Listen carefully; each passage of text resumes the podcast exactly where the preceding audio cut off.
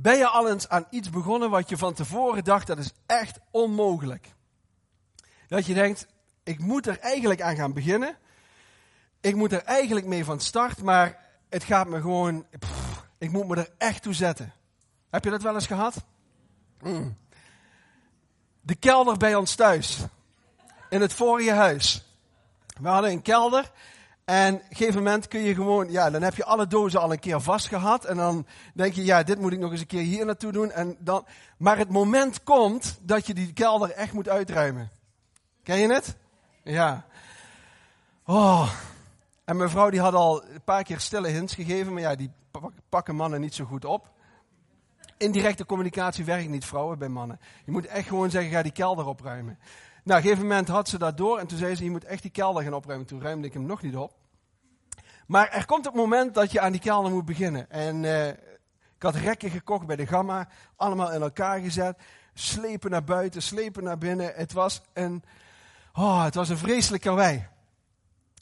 Maar naarmate dat de tijd vorderde, zag ik ineens structuur in mijn kelder komen. Ik zag ineens dat er spullen waren die ik gewoon kwijt kon en ik kon ze neerzetten. En ik denk, hé, hey, dit gaat er goed uitzien. Dit gaat goed werken.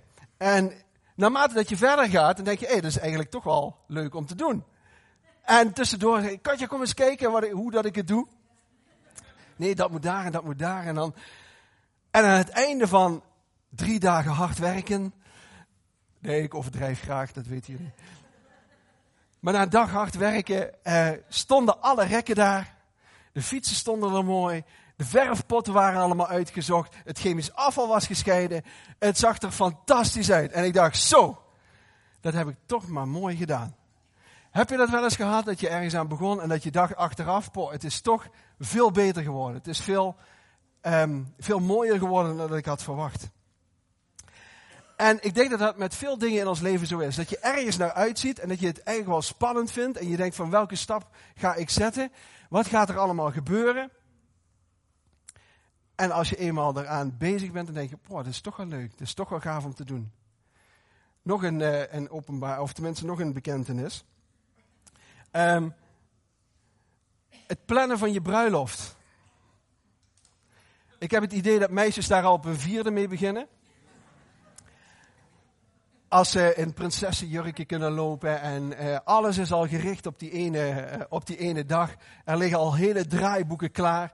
En uh, ja, ik wist niet eens dat er uh, corsages en allemaal dat soort Waar dat je over servetten en over waar je allemaal over na moet denken. Ongelooflijk.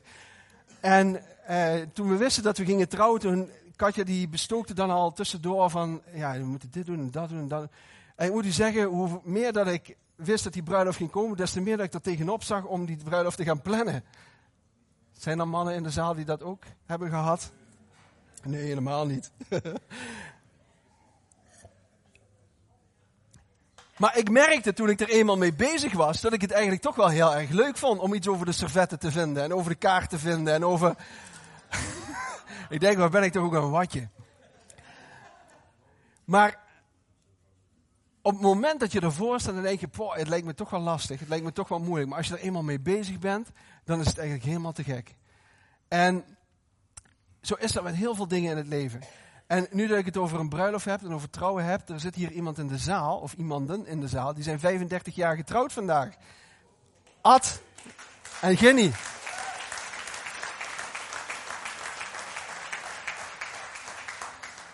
Misschien dacht Ad van tevoren ook wel van, boah, waar ga ik aan beginnen?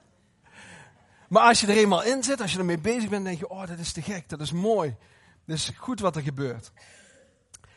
En je zou het ook een beetje kunnen vergelijken met de situatie die we met pop-up gaan doen in Sittard. Het is een beetje spannend van tevoren en misschien denk je wel, poh, waar gaan we aan beginnen? En ik weet niet of ik eraan moet gaan beginnen en ga ik nou wel meedoen of ga ik instappen of ga ik niet instappen? Maar eenmaal als je er straks aan begint, dan begin je te merken, hey, dit is toch wel heel gaaf, het is toch wel heel mooi om dat mee te maken. Maar misschien geldt het ook wel voor jouw persoonlijke situatie. Misschien zijn er ook wel dingen in jouw leven waar dat je heel erg tegenop ziet. En je weet dat je ze moet aanpakken in je leven. Je weet dat je ze moet adresseren in je leven. Maar je blijft het als het ware uitstellen. En je neemt geen stap om daar verbeteringen aan te brengen. En het voelt alsof je een soort berg moet beklimmen. Er zijn een hele hoop verhalen uit het Oude Testament waar het gaat over bergen, over legers en over oorlogen die er gevoerd worden. Maar het zijn eigenlijk, ik zal maar zeggen, beelden voor datgene wat er gaat gebeuren in, in ons leven. We kunnen daar lessen uit trekken. En vandaag wil ik het samen met jullie hebben over beklim jouw berg. En ik geloof dat we allemaal een berg hebben in ons leven, of misschien wel meerdere bergen. Misschien woon je wel in de Pyreneeën en ben je omgeven door bergen. En misschien woon je wel in Limburg en dan denk je, oh, ik heb wat, wat heuvels. En sommige mensen zitten misschien in de polder. Ah. Maar we hebben allemaal een berg om te beklimmen. En ik denk dat je in je leven allerlei dingen ook meemaakt. Allemaal bergen die je hebt te, beklimmen. En ik dacht, wat zou het eigenlijk heerlijk zijn als je leven één groot feest is. Weet je wel, één grote zonneschijn. Waar dat je voor de rest helemaal nergens zorgen over hoeft te maken. Dat er geen enkele berg in je leven is waar dat je tegenop hoeft te gaan. Maar helaas is het leven niet zo. Een oud-Afrikaans spreekwoord zegt, daar waar alleen maar zonneschijn is, daar ontstaat een woestijn. En ik dacht, ja, dat is wel waar. Tussen de dal en tussen de bergtop, want je kunt op een moment op een bergtop zitten en het zal super gaan en je kijkt over alles en je denkt, oh, geweldig wat ik nu allemaal mee kan maken. Maar er zijn ook momenten dat je je in een dal kan bevinden. En precies daartussenin, daar ligt de berg. Het opklimmen naar jouw berg. En die berg kan er op verschillende manieren uitzien. Misschien kan het de opvoeding van jouw kinderen zijn. Misschien is het wel jouw eigen discipline. Misschien is het het werk wat je uitvoert. Misschien bij jou op school. Die vervelende wiskundeles of Duitsles. Of misschien je klasgenoten die je een beetje raar aankijken omdat jij gelovig bent en zij niet. Of misschien is überhaupt naar school gaan wel een opgave voor je. Misschien je relatie. Je huwelijk. Familie. Gezondheid. Er kunnen verschillende dingen in jouw leven zijn die jij kunt betitelen als een berg in jouw leven. Waar dat je als het ware elke keer het gevoel hebt dat je daar tegenop moet klimmen. En ik denk dat dat normaal is in het leven. Ik denk dat het normaal is dat we bergen in ons leven tegenkomen waar dat we tegenop moeten klimmen. En als je weet dat dat normaal is, dat dat bij het leven hoort, dan ontspant dat ook een beetje. Want je weet, er gaat een moment komen dat ik op de berg ben. Er gaat een moment komen dat ik in het dal ben. Maar er gaat ook een moment komen dat ik bovenop de bergtop ben. Deuteronomium 11, vers 11, daar staat, maar aan het land, aan de overkant, is een land met bergen en dalen. Het beloofde land werd voorgesteld als een land met bergen en met dalen. Ook al ben je in het beloofde land, toch kan het zo zijn dat je te maken krijgt met bergen en dalen. En ik wil zo meteen met, met u naar een verhaal kijken uit de Bijbel, uit het Oude Testament. Waar dat die berg aanvankelijk een soort uitdaging leek. Een moeite. Iets waar ze tegenop zagen. Een plaats van achterstand en verlies was. Maar de mensen die, die we zo gaan, gaan uh, bekijken, of wat nader gaan bekijken, die hebben ervoor gekozen om de berg tot hun overwinning te maken. En daar wil ik met jullie naar gaan kijken. Ik ga de situatie een beetje schetsen. Hou vast, het gaat over jouw berg en over onze berg. De berg die je gaat beklimmen. De situatie is de volgende. U kunt misschien alvast opzoeken 1 Samuel hoofdstuk 13. Als je je Bijbel hebt, misschien mag er wat licht aan, dan kunnen mensen meelezen.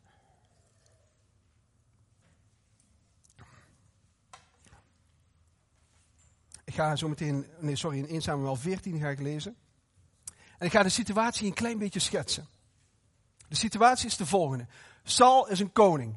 Een grote koning, eigenlijk de eerste koning van Israël. En zij worden overvallen door de Filistijnen. Keer op keer, elke keer weer opnieuw. Elke keer vervelend als er vijanden of dat er dingen in jouw leven steeds weer terugkomen. Dat ze zich steeds weer herhalen, zich steeds weer aandienen. En zo ook deze Filistijnen. En Saul die is omgeven door 600 mannen. Hij heeft een leger verzameld van 600 mannen. Maar de Filistijnen zijn met een hele grote overmacht.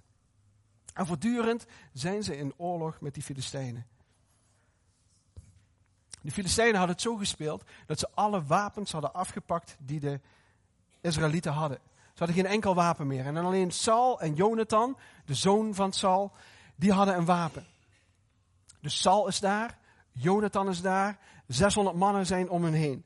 En bovenop de berg, bovenop de berg waar dat ze graag willen zijn, daar bevinden zich de Filistijnen met een grote legermacht. De Filistijnen zitten op de berg Michmas en Saul zit onder een boom in Minkron. En hij keek uit over de verwoesting die er in het land gaande was. Er waren dingen kapot gemaakt door de Filistijnen. Het was een plaats van angst geworden waar dat hij zat. En ze bevonden zich in een soort padstelling. Aan de ene kant waren daar het leger en aan de andere kant waren daar Saul samen met zijn zoon Jonathan en alle soldaten daaromheen. En dan wil ik met jullie graag lezen 1 Samuel hoofdstuk 14 vers 6 tot 15. En die kun je ook meelezen op de beamer. Jonathan zei tegen zijn wapendrager, laten we oversteken naar de wachtpost van die onbesnedenen. Dat is een scheldwoord, hè? Misschien is de Heer op onze hand. Hij kan immers evengoed met weinigen voor een overwinning zorgen als met velen. Dat lijkt me een goed plan, antwoordde de wapendrager. Ik ben uw man. Vers 8. Luister, zei Jonathan. We steken over en zorgen dat de soldaten ons zien. Misschien zeggen ze tegen ons: Halt, verroer je niet tot we bij jullie zijn. En dan blijven we staan en gaan we niet naar ze toe. Of ze zeggen: Kom maar op. En dan klimmen we naar boven. Want dan is voor ons het teken dat de Heer ze aan ons uitlevert. Vers 11. Ze zorgden er dus voor dat de bezettingen, de bezetting van de Filistijnse wachtpost hen tweeën in het oog kreeg. En de Filistijnen zeiden tegen elkaar: Kijk, de Hebreeën komen uit hun holen tevoorschijn. En de soldaten van de wachtpost riepen naar Jonathan en zijn wapendrager: Kom maar op, dan zullen we jullie wel eens wat leren. Volg mij, zei Jonathan tegen zijn wapendrager. Nou, een spannende film, hè, vind je niet? Volg mij, zei Jonathan tegen zijn wapendrager. De Heer heeft ze aan Israël uitgeleverd. En Jonathan klom op handen en voeten naar boven, met zijn wapendrager achter zich aan. En waar hij kwam, vielen de Filistijnen neer. En zijn wapendrager gaf hun de genadestoot. En bij dit eerste treffen doodde Jonathan en zijn wapendrager twintig mannen. En dit alles speelde zich af op een terrein zo half zo groot als een span ossen in één dag kan ploegen. En dan het laatste vers.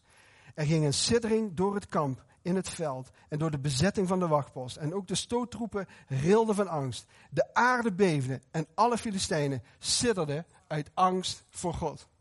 Nou, en als je het verhaal iets verder leest, dat leger dat, dat keert zich tegen zichzelf. En ze kunnen met die 600 mensen, kunnen ze, dat hele leger van de Filistijnen kunnen ze overvallen. Een geweldig verhaal wat daar gebeurt. Twee mannen die uitstappen. Twee mannen die bereid zijn om een berg te beklimmen. Iets onmogelijks te doen. En ik dacht, ik, ik, ik, ik hou van punten preken, dus ik, ik vind het altijd prettig om dat te doen. En ik heb geprobeerd om het in vier thema's eh, vier woorden of vier zinnen samen te vatten. Het eerste principe wat ik aan jullie wilde uitleggen is: een berg beklimmen kost geloof of geeft geloof. En ik had eerst het woordje geeft had ik eruit gelaten en had ik alleen kost staan. Maar het frappante is dat ik, ik merk dat als we een berg beklimmen, dan ja, het kan geloof kosten, maar ik merk als je, als je daarmee verder gaat, dat het geloof geeft. Heb je dat ook wel eens? Je begint ergens aan en het is een geloofsavontuur. En op een gegeven moment, als het verder gaat en verder gaat, dan merk je dat je geloof begint te groeien. Hebben we dat wat soort momenten? Ik hoop dat je ze hebt. Ik hoop dat je ze hebt. En je zou kunnen zeggen, geloof werkt eigenlijk een beetje als brandstof. We moeten zo nu en dan naar het tankstation toe en dan moeten we tanken, flink de beurs trekken. En steeds moet die brandstof worden bijgevuld. Geloof is duur, het kost veel, brandstof kost veel. En misschien kost het wel alles, maar het brengt je wel heel erg ver. Elke keer als je brandstof bijvult, kun je weer een stuk verder. Kun je weer een stuk verder. En zo werkt het met geloof ook. Als geloof groeit, als geloof sterker wordt in jouw leven, dan kun je verder rijken dan ooit tevoren. En er is iets aparts. Er zijn twee mannen. Saul is de vader en Jonathan is de zoon. En Saul blijft zitten en Jonathan staat op. Blijkbaar is er een keuze. Jonathan die zegt, ik ga de strijd aanbinden. Hij gaat zijn vijand tegemoet. Saul keek uit op de verwoesting en keek eigenlijk naar zijn eigen angst. En Jonathan, die kon het niet verkroppen, die wilde daar wat tegen doen. Precies dezelfde situatie, maar allebei een andere gedachte. Twee mensen kunnen naar een geloofssituatie kijken. De een ziet dit en de ander ziet dat. De ene handelt vanuit angst en de ander die handelt vanuit geloof. En dat is een keuze die we hebben. We kunnen dus kiezen of het geloof kost, of het onze brandstof wegneemt, of dat geloof gaat groeien in ons leven. En ik geloof dat geloof een verandering ontketent. Het voordeel is dat als je aan de voet van de berg blijft, dat het geen geloof kost. Je wacht het rustig af. Je kijkt wat er gaat komen. Maar op het moment dat ik ga lopen, dan ga ik brandstof verbruiken en dan gaat het me geloof kosten. En terwijl dat je aan het lopen bent, dan zie je, hé, hey, de Heer is bij me. Hij voorziet in me. Hij geeft me steun, hij geeft me kracht. Ik, ik krijg geloof. En je gaat klimmen en klimmen. En elke keer als je de, um, in de Bijbel kijkt en over de historie van de Bijbel kijkt, maar ook in het, in het leven van heel veel mensen. Elke keer als mensen, um, als, als God begint te bewegen, dan is dat gebeurd omdat iemand opstond om gehoorzaam te zijn. Omdat iemand opstond om geloof te hebben. Omdat iemand opstond om iets te betekenen.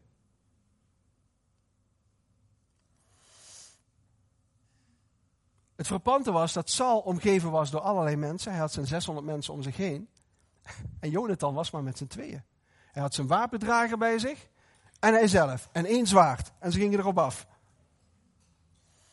Saul had een positie van afwachten. Nou, ik zie wel wat er gaat gebeuren. Ik, uh, het duurt mijn tijd wel. En Jonathan koos een positie van aanval. Hij ging er tegenin. Hij stond op. Was Saul dan niet bij God? Jawel, hij was bij God. Maar Jonathan maakte mee wat het betekende dat God door hem heen ging werken. Saul wachtte af. Je hebt de keuze om te reageren en je hebt de keuze om te handelen. Berken spreekt volgende week en Berken die zegt heel vaak, in eh, christen herken je niet zozeer aan zijn reactie of aan zijn actie, maar aan zijn reactie. He, er overkomt jou iets en hoe reageer je daarop? En deze Jonathan die reageerde door de aanval te kiezen.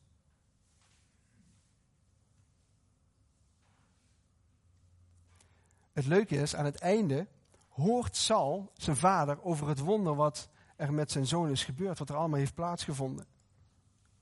Maar Jonathan is deel van het wonder. Ik ben liever deel van het wonder, als dat ik denk van, oh ja, ja, dat is een mooi verhaal.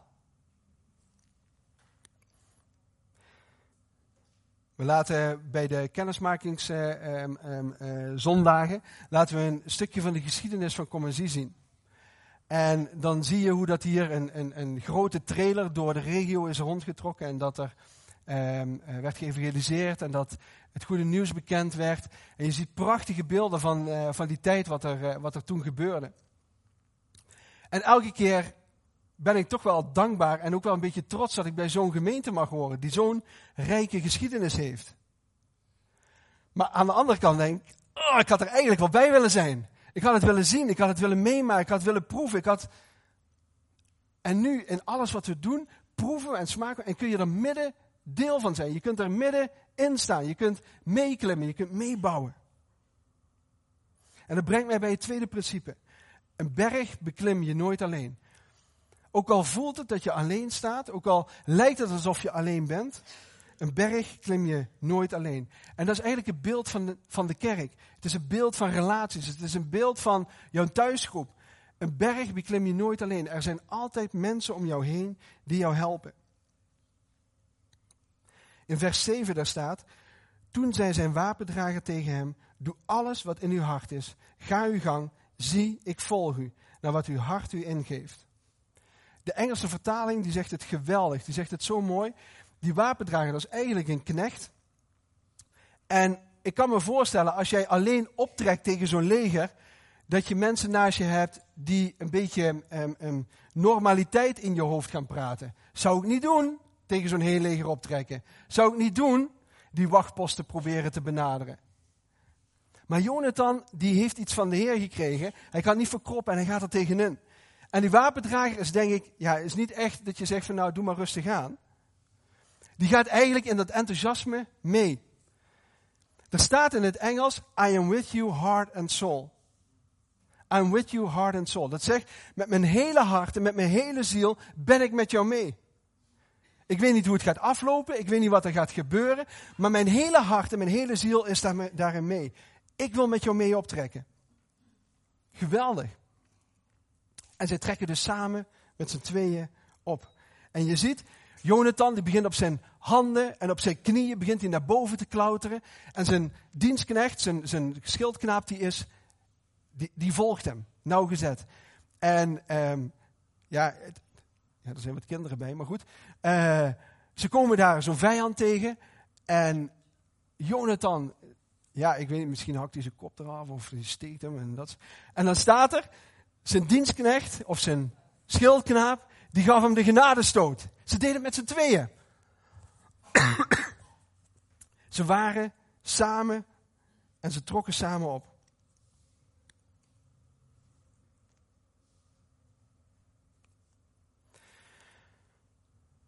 Het mooie is dat we eerst op Gods kracht mogen vertrouwen en dat je daarna op je eigen kracht mag vertrouwen.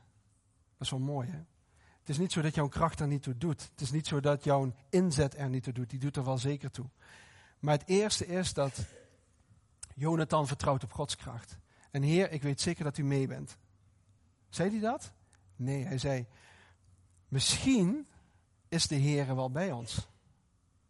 Ja, maar je moet toch wel echt zeker weten dat de Heer bij je is. Nee, Jonathan die zegt hier iets heel anders. Even kijken. Volgens mij in vers 6 zegt hij dat. Ja, in vers 6 staat. Misschien is de Heer op onze hand. Dus moet je even voorstellen, je trekt op naar een leger. Je weet dat je maar met z'n tweeën bent. Je weet dat je maar één zwaard hebt. En dan ja, lijkt het me misschien toch best handig dat je zeker weet dat God bij je is. Maar Jonathan zegt, misschien is de Heer wel bij ons. Maar hij geloofde dat op het moment dat ik uitstap, dan komt de Heer bij mij. Hij gaat met me meewerken, hij gaat met me meedoen. En ook al weet ik het nog niet zeker, maar Heer, ik wil er tegenin, ik wil wat doen. En hij gaat verder. En de Heer doet het heel vaak door velen, maar je ziet in de Bijbel heel vaak dat hij het door enkele doet. Omdat iemand opstaat, omdat iemand, zoals ik in, leiders, eh, in de leiderscursus zei, die hebben een soort heilige frustratie in zich. Dit laat ik niet op mijn kop zetten. Dit laat ik niet gebeuren. Ik ga er tegenin. Denk maar eens aan Elia of Gideon. Allemaal mannen die opstonden. En voldoende vrouwen zijn er ook. Maar ja, we moeten het allemaal wel zeker weten. En dat is ook uh, een van de vragen die ik kreeg over het hele pop-up gebeuren. Ja, Weten jullie nu wel zeker dat je dat in Sittard moet doen? Moeten we dit wel doen als kerk? Moeten we hier wel juist in uitstappen? En ik wil vragen of Jacob Jan even naar voren komt en even een microfoon uh, uh, geeft. Omdat we het toch ook wel belangrijk vinden om daar wat, wat toelichting op te geven. Ook hoe God daar juist in gewerkt heeft. En Jacob, we hoorden net over een, uh, over een droom. En over de, in die droom, daar, uh, daar zag je dat God aan het roer stond. Of tenminste, je vroeg aan God, wie, wie staat er aan het roer? Wie bestuurt dat schip? En toen zei je dat God dat schip bestuurde. Maar die droom, daar zit een soort verhaal aan vast. En misschien kun je dat een beetje schetsen. Uh, ja, dan moet ik even denken. hoe dat ook weer ging. Um, ik weet dat ik op dat moment was ik volgens mij een beetje gefrustreerd.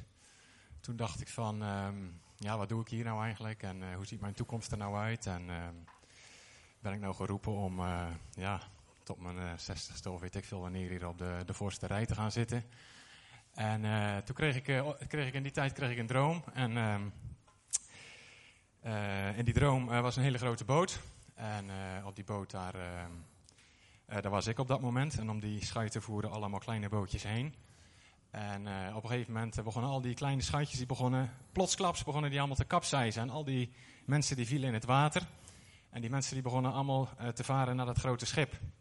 En uh, nou ja, toen schrok ik wakker, ik zat rechtop, in mijn bed. En ja, ik had niet gelijk een idee van wat die droom nou betekende, maar ik wist wel van, ja, dit is een droom van God. Mm -hmm. En daar moet ik wat mee. En uh, nou ja, daar komt een soort vervolg op. ja. ja, maar je, zag ja. die mensen komen? Ja, ik zag al, ja, die, men ik zag al die mensen komen. Ja. ja, die zwommen allemaal naar het schip. En ik moest al die, al die uh, mensen, die, uh, die trok ik aan boord. Er staat stroom op dat ding, geloof ik. ik trok al die mensen aan boord en, eh, en, en, en toen schrok ik inderdaad wakker. En eh, ik wist ook dat heeft iets te maken met mijn toekomst. Dat is iets wat ik eh, moet gaan doen. Ehm, ehm, eh, ja, goed. Ik, kan, ik heb, kan de timing niet meer precies herinneren. Eh, maar dat, het ging ook heel erg over eh, Sittard, of Sittard Geleen. Eh, wij hadden anderhalf jaar terug, schat ik zo ongeveer, hadden wij, zaten wij bij Bart en K. Ik zat toevallig in mijn agenda te kijken. maandag, dan zouden wij hier zes jaar oudste zijn. Dus het is zo'n anderhalf jaar terug. Toen zaten wij bij Bart en K voor een evaluatie. Zo van, nou, jullie zijn nu bijna vijf jaar oudste. En hoe gaan we de volgende vijf jaar, hoe gaan we dat doen? En ehm, ja, ik zeg tegen eh, Bart en K... Het is heerlijk, maar hoe de komende vijf jaar eruit gaat zien, dat weet ik niet. Want eh, ja, Loes en ik die ervaren dat we een, een, een, een, ja, roeping hebben. Of dat, dat we richting Sittard moeten gaan. En eh, ja, wij keken eigenlijk samen vijf jaar vooruit. En ik zeg ja, vijf jaar. Ik denk dat er in die vijf jaar wat gaat gebeuren en dat wij die kant op gaan. En hoe dat er nou precies uitziet, of hoe dat zal gaan, dat weet ik niet. Maar ik denk dat dat moment eh, eh, ja, komt. Mhm. En ehm, ja, op diezelfde avond eh, stelde jij ook een vraag. Ja. Ja, ik heb, ik Oh, heb een ja, ja, microfoon. ja. Het was eigenlijk een hele, be- ja, het was een beetje een dubbele avond, want we hadden, waren met z'n vieren daarover aan het praten. En Katja en ik, die, eh, die wilden Jacob Jan en ik, Jacob Jan en Loes wat vragen. En de vraag die wij stelden aan Jacob Jan en Loes, van nou, wij zouden het eigenlijk heel erg fijn vinden als jullie wat meer naast ons zouden komen staan als, eh, eh, in ons voorgangerschap. En we merken dat er een, een goede onderlinge klik is en we merken echt dat, dat God iets op jullie leven heeft gelegd. En we zouden het zo gaaf vinden als, eh, als jullie dat met ons samen zouden doen. En we gingen eigenlijk, eh, alle twee de koppels gingen een beetje gedes, ge- gedes zo'n moeilijk woord. Gedesillusioneerd. Ah, kijk, voelde, daarom, heb ik, daarom staat hij naast me. het voelde, ja, En dat, dat voelde een beetje, het voelde als een spagaat. Want eh, ja, ik vond het ook moeilijk toen om dat te zeggen. Maar ik zeg, ik weet niet hoe en wat. Maar daar gaat wat veranderen. En, en ja, Bart vroeg, kom je dichterbij? En het, op dezelfde avond zeiden wij van, ja, het voelt allemaal wel goed. Maar waarschijnlijk gaan we eh, een keertje weg, zeg maar. Dus dat, dat voelde inderdaad raar. ja. Nou, en ehm, dat, dat, dat concept even vasthouden. En dan gaan we daar zo meteen op verder. Want eh, we hebben over de gemeente een aantal woorden ook van groei eh, gekregen. En een van die woorden die meerdere malen is herhaald, is eh Jezaja 54 vers 2. En daar staat, vergroot de plaats van je, voor je tent, span het tentdoek wijder uit, zonder enige terughoudendheid. En verleng de touwen en zet de tentpinnen vast. En dit is niet één keer gezegd, maar dit is echt meerdere keren teruggekomen. En het frappante was dat eh, een tijd geleden Jan Kuipers, die eh, bestuurslid was van, van, ehm, eh, van Levend Water in Hoensbroek. Inmiddels is hij overleden, maar hij deelde een beeld waarin dat hij ehm, eigenlijk dat stuk wat Jacob Jan in die droom zag, zag eh, hij letterlijk gebeuren dat de hemel openbrak en dat er kerken in vuur en vlam werden gezet en bedieningen in vuur en vlam werden gezet, maar dat, dat ook kerken eh, en bedieningen zouden stoppen en ophouden te bestaan. En dat God deze regio op het oog heeft om daar groei en, en, en eh, ontwikkeling in te brengen. En dat was eigenlijk heel apart. En ja, we hoorden dat net ook die droom van, van Jacob Jan. En we waren ook, ehm, we zijn nog eens weet je, zo door die profetieën heen gelopen die ook over de gemeente zijn uitgesproken. En ik denk zo twee, drie jaar geleden heeft ehm Steve en Rita Fidel, hè, die, kennen jullie, eh, die, die kennen jullie denk ik, eh, die zijn hier twee, drie keer geweest. En een van de eerste woorden die zij uitspraken eh, was het volgende. Steve die zei dat. Open je netten opnieuw. Ik wil jullie weer opnieuw vissers van mensen laten zijn. Ik ga door mijn geest in jullie regio werken. Jullie zullen een huis zijn. Een huis zijn die mensen zal opvangen. Jullie huis zal ze opvangen. Denk terug aan de tijd dat de genade op jou viel. En sta niet klaar met je oordeel, maar ontvang deze mensen die op zoek zijn naar mij. Sta op met een vernieuwde passie voor de verlorenen. Ik ga een uitbreiding en een groei aan het huis geven op verschillende manieren. Een rivier van genade en van vrede. Vele mensen zullen komen en de Heer vinden. Ze zullen tot herstel komen en vrede vinden. Nou, en al die woorden die zijn op dat stuk groei gericht. En we wisten ook niet zo goed van ja, hoe gaat dat dan eruit zien? En is het zo dat eh, Jacob, Jan en Loes die kant op gaan en eh, wij gaan met, die, eh, met commissie gaan we die kant op. En ehm, eh, eigenlijk in, die, in het jaar daarna waren Steve en Rita Fidel ook bij ons op bezoek. En eh, we hebben vaak een sessie met ons leidersteam samen. Ehm, en daar spraken ze ook een paar mooie woorden uit. En misschien is het goed dat jij dat even benoemt, wat ze daar zeiden. Ja. Ehm, ja, ze hebben natuurlijk over ons eh, allebei geprofiteerd. Eh, laat ik even beginnen met wat ehm, eh, de Fidels toen onder andere eh, tegen ons zeiden, tegen mij en Loes. Eh, de Fidels die zeiden, ehm, eh, God heeft jullie een plan gegeven en je, God heeft jullie eh, geroepen. En ik zie in de geest dat jullie vastbesloten zijn om dat plan ook ten uitvoer te gaan brengen.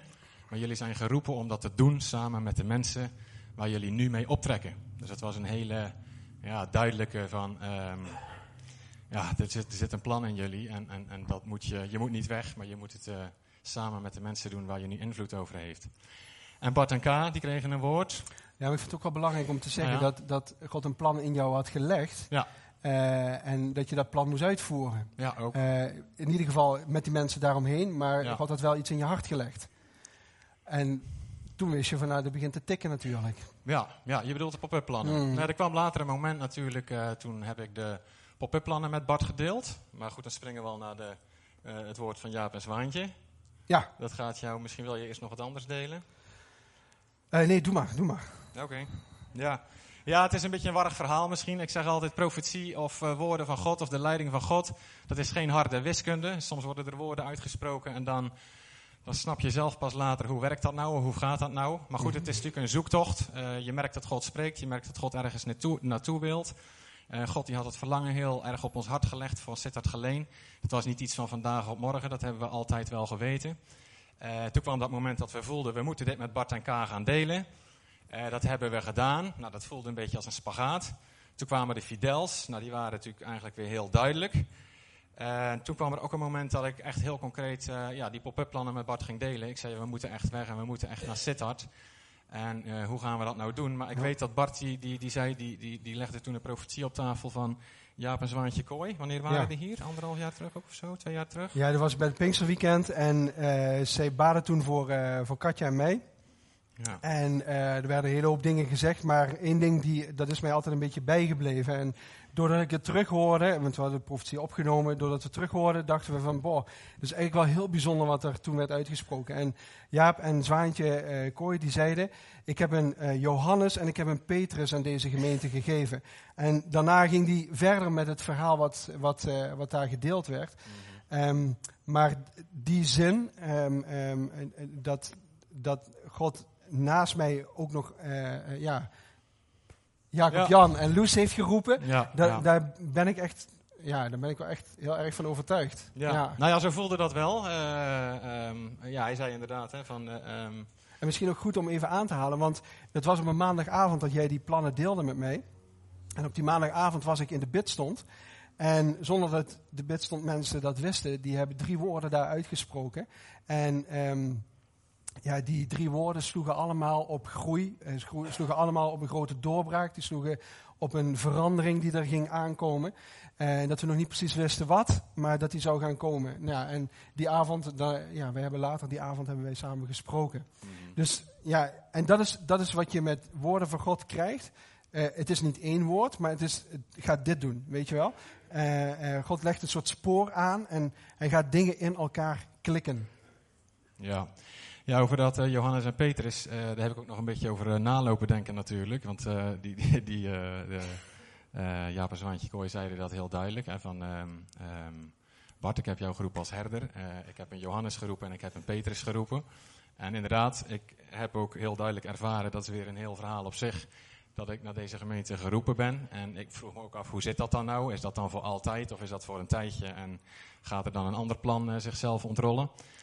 Ehm, maar goed, ik dacht, als ik dan die Petrus ben, hoe, hoe werkt dat dan? Ik bedoel, waarom, waarom zou ik nou daarmee geassocieerd moeten worden? En, en, en wat, wat is dan kenmerkend zeg maar, voor Petrus? En ehm, toen ik daarover nadacht, toen kwamen twee, eh, twee, ehm, twee momenten uit het leven van Petrus heel sterk naar voren. En die eerste was natuurlijk Petrus die stapte uit de boot, dus die deed iets heel ongemakkelijks. En de tweede was dat, dat, eh, dat Petrus in de boot stond en, en dat Jezus tegen hem zei... ehm, Petrus, vaar het meer op. Gooi je net uit eh, aan de andere kant, op een andere plaats. Gooi het over een andere boeg. En ehm, nou ja, het gevolg daarvan was inderdaad dat de, de vangst zo rijk was... dat, dat, dat, eh, ja, dat er meer boten voor nodig waren om die vangst eh, binnen te halen. En ehm, ja, goed. Ja, wat is dan je taak en je rol? Daar kun je natuurlijk allemaal heel erg lang over nadenken. En, en, eh, maar goed, ik denk die kant gaan we op. En ik geloof dat wij met pop-up naar een nieuwe plek gaan. Dat we het net op een andere manier over een andere boeg uit gaan gooien. En dat het effect zal zijn dat we eh, nou ja, eh, opnieuw vissers van mensen worden. Wat de Fidels ook zeiden dat wij Ja. moesten gaan doen. Ja. Ga op een nieuwe manier de regio in, de netten uitgooien. Ja. En eh, ja, ga dat doen. Dus ja, voor mij voelt dat. En dat kost natuurlijk tijd om dat allemaal te ontvangen. voordat je het zelf ook helemaal helder ziet. Dus voor jullie is het nu misschien een wat warrig verhaal. Maar voor ons eh, is het eigenlijk zo helder als een klontje dat God wil dat we die kant op gaan. Eh, en dat we dat samen gaan doen. En dat we grote dingen mogen verwachten. Ik heb er echt zoveel zin in. Echt waar. Ja. ja. Ja.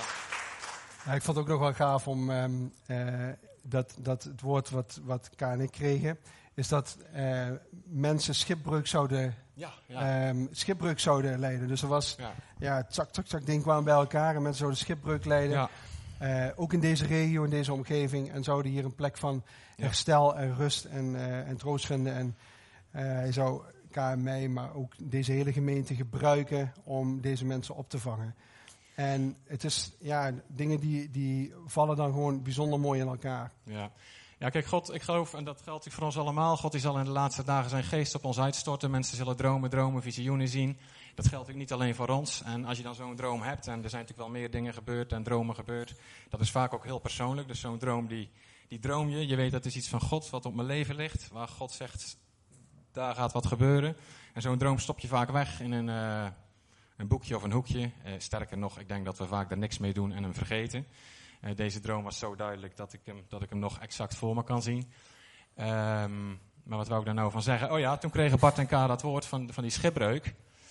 Eh, en dat ze zorg zouden dragen voor bedieningen die schipbreuk zouden leiden. En dat, dat ze die onder hun hoede zouden nemen. En nou ja, zo zijn er dan nog wat dingen. En dan zeg je allemaal klik, klik, klik, klik. Oh, dit, dit, is, ja, dit, dit, dit is iets wat gewoon samen gaat. God samenvoegt. En eh, we moeten samen optrekken in die plannen om, ehm, om die netten een beetje door de regio te slepen. Hoppatee. Huppatee. Ja. Ja. Dus eh, ja, en hoe dat dan allemaal gaat, hè, weet je, ik, ik en wij vinden dat zelf natuurlijk ook spannend. Maar eh, inderdaad, toen die droom, ja, dat, dat is dan natuurlijk ook zoiets. Eh, je zoekt natuurlijk van wat wil God nou in mijn leven doen. En ik wist dat, dat, dat, dat er in Sittard Geleen iets, iets, iets zou gaan gebeuren. Ik wist ook dat ik daar een rol in moest spelen. Kan ik een heel lang verhaal over vertellen. Dan denk je, hoe gaat dat er nou uitzien? En toen had ik die droom van die boot inderdaad. En toen dacht ik van ja, ik was eh, heel hard aan het werken om al die mensen aan boord te trekken. En toen dacht ik ja, en eh, wie, wie moet daar dan leiding geven, weet je wel? Eh, dus ik zei ja, wie, inderdaad, ik, ik, ik, vroeg inderdaad echt zo God, ja, maar ik zei, wie bestuurt dan die boot? En toen zei God, ja, dat doe ik. En eh, ja, dat, dat, dat was ook echt een antwoord. Dat is eigenlijk zo logisch als wat. maar op dat moment kon ik dat niet bedenken, snap je? Ik dacht van, daar moet daar iets gebeuren en ik moet daar aan het roer staan. Maar God zei, nee, ik sta aan het roer. En eh, ja, dat, dat vind ik ook gewoon heerlijk. En in die wetenschap denk ik ook van, ja, waar gaan we naartoe? Waar gaan we naartoe varen? Weet je, wij weten het ook niet allemaal precies. Eh, maar wel, dat is de kant die we opgaan. Die kant gaan we opvaren. God die roept ons, eh, wij gehoorzamen. En ehm, eh, we gaan die netten uitgooien. Er gaat heel veel vis in komen. En iedereen is nodig om die vis binnen te halen. En eh, die vis, nou ja, hè, je weet waar de vis voor staat. Maar iedereen is nodig om, iedereen is aan boord nodig om dit plan ja, te gaan uitvoeren en te gaan verwezenlijken voor God. Daar ben ik echt van overtuigd. En toen, toen ik dat verhaal nog even nalas van dat, dat, ehm, ehm, dat Jezus tegen Petrus zei van gooi dat net uit. Er moesten allemaal andere boten aan te pas komen om de lading aan wal te krijgen. Ik denk zo hé, ik ga, daar gaan we voor in Sittard. Goed zo. Daar Ja. zijn we allemaal voor nodig. Dus eh, laten we dat doen. Mooi. Ik Mooi. wil hem steeds aan jou geven. Maar. Ja, nee, maar dat is goed. Dat is goed. Dankjewel. Dankjewel, Ja. Jacob. Ja? Oké. Ja.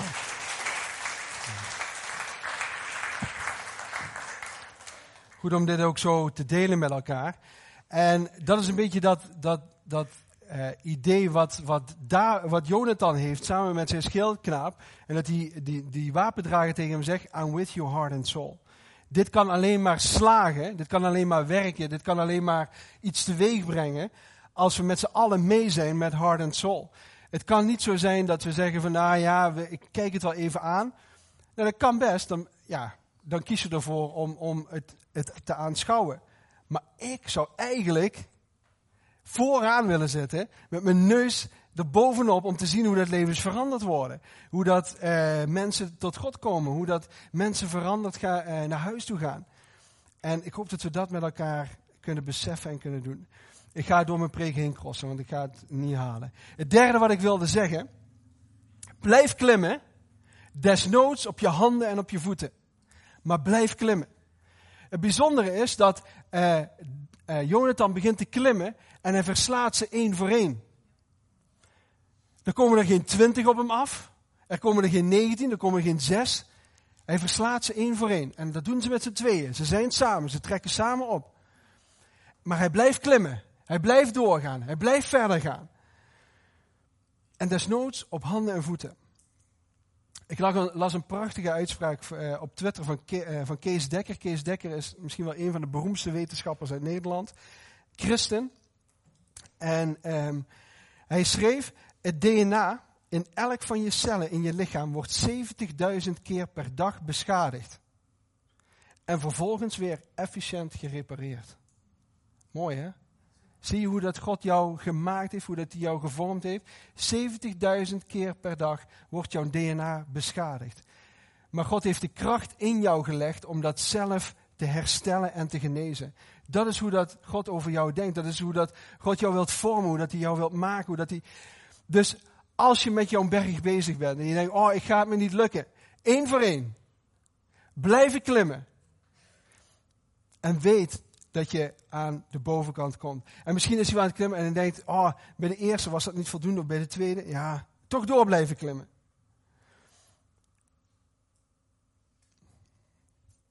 Ja.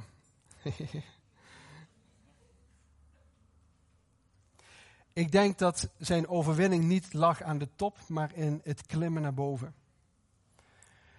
In je geloofsleven word je uitgedaagd, word je um, ja, eh, je komt onder vuur te liggen, maar dat gebeurt in de klim. Bovenaan heb je de overwinning bereikt, dan sta je aan de top en dan denk je, yes, ik heb het gehaald, ik heb overwinning gekregen. Maar jouw geloof wordt gevormd tijdens het klimmen omhoog. Maar blijf klimmen, lieve mensen. Ook al denk je, ik geef het op, ik gooi het beltje erbij neer, het gaat me never, nooit niet lukken. Die berg waar ik elke keer tegenop moet klimmen, ik stop ermee, ik loop terug naar beneden. Maar op het moment dat je opgeeft, dan heb je automatisch verloren. Maar blijf klimmen, blijf volhouden, blijf vertrouwen dat God je zal leiden. En dan komen we bij het vierde principe. Veel kleine overwinningen zijn de aanloop naar de grote overwinning. Hij versloeg ze niet allemaal. Hij versloeg ze niet in één keer. maar het was vijand voor vijand. Filistijn voor Filistijn. Elke keer versloeg hij er één. En zijn schildknaap kwam achter hem aan. Eén voor één. Elke keer weer opnieuw. Haalde hij ze naar voren.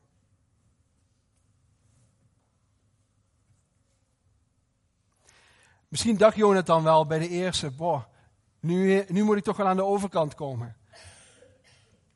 Hij deed ook gewoon, ja, hij deed ook gewoon gekke dingen, die Jonathan. Die zegt van, nou, als de Heer spreekt, uh, de Heer maakt maar duidelijk, um, nee, ik moet even goed zeggen. Heer, wilt u duidelijk maken dat, dat wij aan de winnende hand zijn, of dat we deze overwinning moeten claimen. En het woord wat hij vroeg, is als ze aan ons vragen om op ons af te komen, als de vijand vraagt om op ons af te komen, dan weet ik zeker dat u met ons bent. Dat is eigenlijk een hele tegenstrijdige bevestiging die je aan God vraagt. Als het gevaar op me afkomt, dan weet ik dat u bij me bent. Dat is wat hij zegt. Als de overmacht op mij afkomt, dan weet ik dat u bij me bent. En terwijl dat die overmacht op hun afkomt, verslaan ze ze één voor één. En misschien heeft hij wel bij soldaat 8 gedacht, ja heer, nu is het wel genoeg. Nee, doorgaan. Bij soldaat 15 dachten ze, is misschien genoeg geweest. Nee, pas bij 20 Daar kwam de overwinning. En ik geloof dat kleine overwinningen de opmaat zijn voor een grote overwinning. En elke keer zul je merken, elke dag sta je weer op en, het, en je bidt, Heer, wilt u deze dag, wilt u mij helpen, wilt u mij leiden? En aan het einde van de dag denk je, oh heerlijk, het is gedaan, het is klaar. Op naar de volgende dag. En zo kunnen die dagen achter elkaar gaan. En elke keer zul je opnieuw die overwinning moeten pakken. Stapje voor stapje, dag voor dag, moment voor moment. En dat is ook het gebeuren wat, dus de opmaat naar Pasen zou je kunnen zeggen. Weet u, de, de Heer Jezus zelf had ook een heuvel, had een berg te beklimmen, de berg naar Golgotha. En doordat hij die beklom, hoeven wij die niet meer te beklimmen. Doordat hij aan het kruis hing, hoeven wij niet aan het kruis te hangen. Hij leefde het leven wat wij moesten leven. En hij moest de dood sterven die wij eigenlijk verdienden om te sterven. Maar de grote verwisseling vond plaats aan het kruis. Hij zei, ik wil jouw leven, wil ik volledig. Ik wil het tot herstel brengen. Ik wil het tot genezing brengen. En het allerliefste wat ik zou willen doen, is jouw plaats innemen. En hij deed het. En ook voor Jezus, elke keer was het de stap die hij zette. Elke keer was het de stap die hij zette. En hij hield vast aan dat doel wat hij had. Hij had jou voor ogen, hij had u voor ogen. En het liefste wat hij wilde, is zijn leven voor jou kunnen geven. Zodat je voor eeuwig en voor altijd bij de Vader zou kunnen zijn. En als er nog een moment is dat je twijfelt van Heer, ik kan niet tegen die berg omhoog. Weet dat de Heer Jezus zelf die berg naar Golgotha is opgegaan. En dat hij wist, daar gaat het gebeuren. Daar moet mijn leven, daar zou ik mijn leven moeten laten. Maar er komt een moment dat ik uit het spelon kom, dat ik uit die grot kom en dat ik opsta. En dat ik voor altijd de overwinning in mijn handen zal hebben. Zullen we samen gaan staan?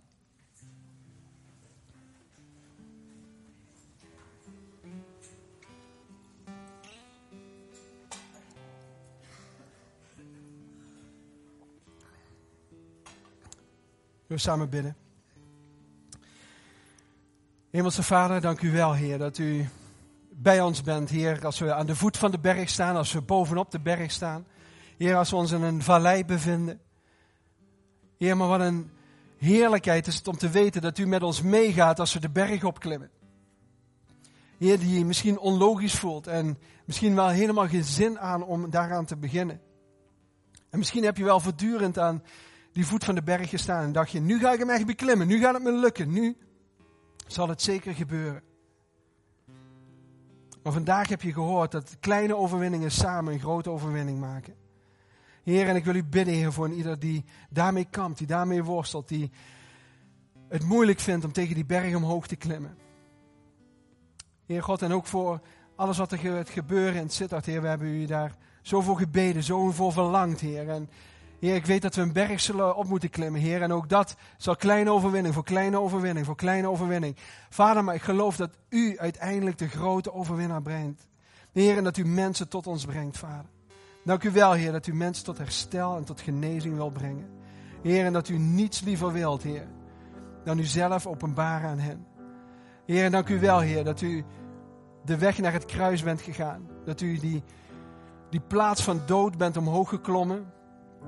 Heer, en u kon dat ook niet alleen. Er was Simon van Sirene die de balk moest dragen om omhoog te komen. Heer, rug was kapot geslagen. Heer, maar het feit dat u aan het kruis wilde hangen, Heer, in plaats van mij. Heer, dat u doodging, Heer, en dat ik daardoor mocht leven.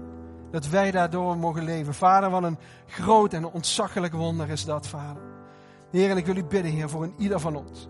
Heer, dat we die overwinning mogen vasthouden, Heer Jezus. Dat we mogen weten dat er een plek is boven aan de top, Heer, waar dat de overwinning wordt gegeven. Heer, en dan komt u ten tonele. Dan begint de aarde te schudden en te beven. Dan zal iedereen weten dat u de koning bent der koningen. Dat u de levende Heer bent.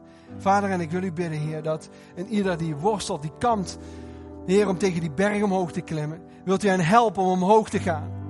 Heer, wilt u hen helpen om omhoog te gaan? Daar waar thuisgroepen, Heer, ehm, mensen mogen bijstaan, Heer, om, om hen te helpen om omhoog te klimmen. Wilt u ze daarin voorzien dat we mee zijn with heart and soul. Heer, dat we met ons hart en met ons ziel, met ons verstand mogen meedragen en meebouwen, Heer, in de levens van mensen. Dank u wel, Heer, dat u die vernieuwde passie aan ons wilt geven.